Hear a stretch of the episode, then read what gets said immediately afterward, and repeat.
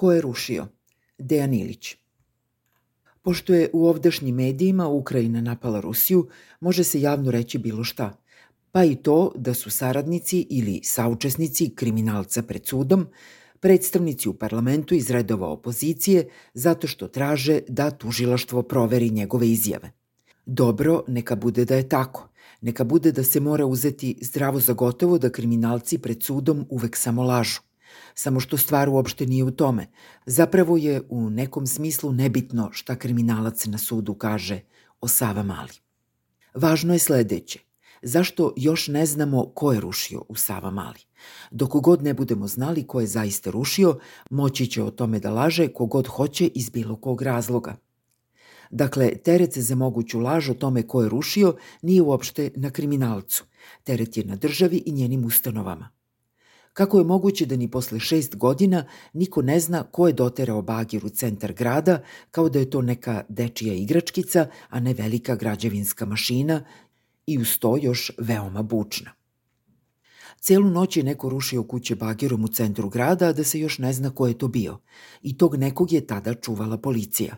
I izgleda da ga čuva i danas. Jer da ponovimo, ne znamo ko je rušio, pa kriminalac može da laže do mile volje da je to bio baš on. I još može da kaže da su ga s vrha države zamolili da doveze bagir i sruši kuće u Sava Mali. I da ga je pri tome čuvala policija – Na laži kriminalca na sudu ne odgovara se kriminalac je i zato laže. Ne, to nije dovoljno. Na njegovu laž se mora reći lažeš jer nisi rušio ti, nego su rušili, e, ali ko je rušio? Zato je priglupo, ako ne baš i podmuklo, optuživati predstavnike u parlamentu iz redova opozicije da šuruju s kriminalcem iz gole želje da naude stranci na vlasti i njenom vođi posebno. Jer kada taj vođa kaže ja kriminalca ne poznajem, a ako se pokaže da sam se jednom video s njim, neka budem u zatvoru do kraja života, to ne znači ama baš ništa. Naprosto je nebitno da li su se viđali ili nisu. Uzgred čitalac se seća, vođa je jednom obećao, ako se pokaže da je moj brat umešan u finansijske mahinacije, povući ću se s čela vlade. Pa se pokazalo da brat jeste bio umešan, ali se onda pojavila falsifikovana lična karta – pa je ispelo da to ipak nije bio brat, nego neko ko se samo predstavljao kao brat. Pa se brat vođenog brata na kraju, evo sve do danas, nije povukao. Tako su verodostojna vođena obećanja.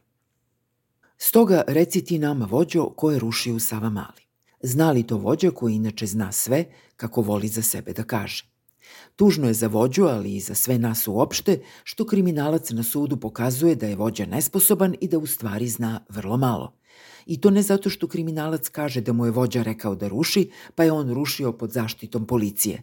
Rekli smo već neka bude da kriminalac laže, ali kada baš tako laže o rušenju u Sava Mali, on u stvari pokazuje da ni posle šest godina ne znamo ko je rušio, ni mi, ni vođa. Kriminalac laže, opozicija šuruje, vođa se zaklinje da ne poznaje kriminalca. I sve to je nebitno. Bitno je da i dalje nisu poznati vozač bagera i rušitelji iz centra grada. Ondašnji ministar policije pravdao se da ne zna ko je rušio, jer su policajci morali da se povuku pošto im je život bio u opasnosti. Bilo je mokro, a kablovi za struju su bili goli, mogli su policajci da stradaju od strujnog udara pa su otišli kućama na suvo i sigurno. Rušiteljima pak goli kablovi nisu mogli ništa, izgleda. Sam vođa nam je pak govorio kako bi on sve to što su radili rušitelji noću, sam radio u po bela dana, da ga svi vide – ali šest godina kasnije mi još ne znamo s kim se tačno identifikovao. Vođa je onda još rekao, ako su rušili, ruglo su srušili, da na mestu rugla može da nikne nešto lepo. Pohvalio je dakle vođa rušitelje. Da je znao ko su, mogao je umesto zatvora za nezakonito rušenje odlikovanja da im podeli. I sad se javio kriminalac da traži to implicitno obećano odlikovanje umesto zatvora. Pošto do danas ono nije dodeljeno, on se može praviti lud i zahtevati ga za sebe. Samo što nas, ponovimo to još jednom jer je važno, kriminalac u vezi sa Savom Malom uopšte ne zanima. Mi bismo da znamo ko je rušio. Jer važno je da to znamo, ako ni zbog čega drugog, onda zato da se više nijedan kriminalac ne bi mogao kriti iza tog rušenja, kao da je ono bilo nešto dobro, a ne čisti kriminal.